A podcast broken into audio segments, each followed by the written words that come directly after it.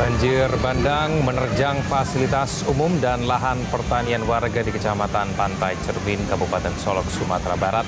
Derasnya arus banjir bandang ini merusak jembatan yang menghubungkan tiga desa dan membuat 400 kepala keluarga terisolir.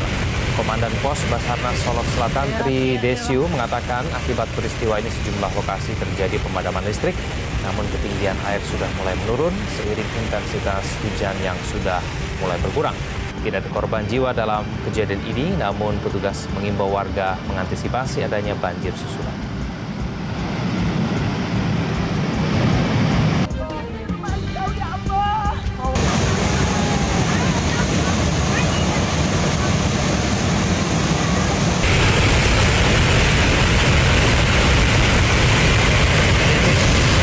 Iya dia bang.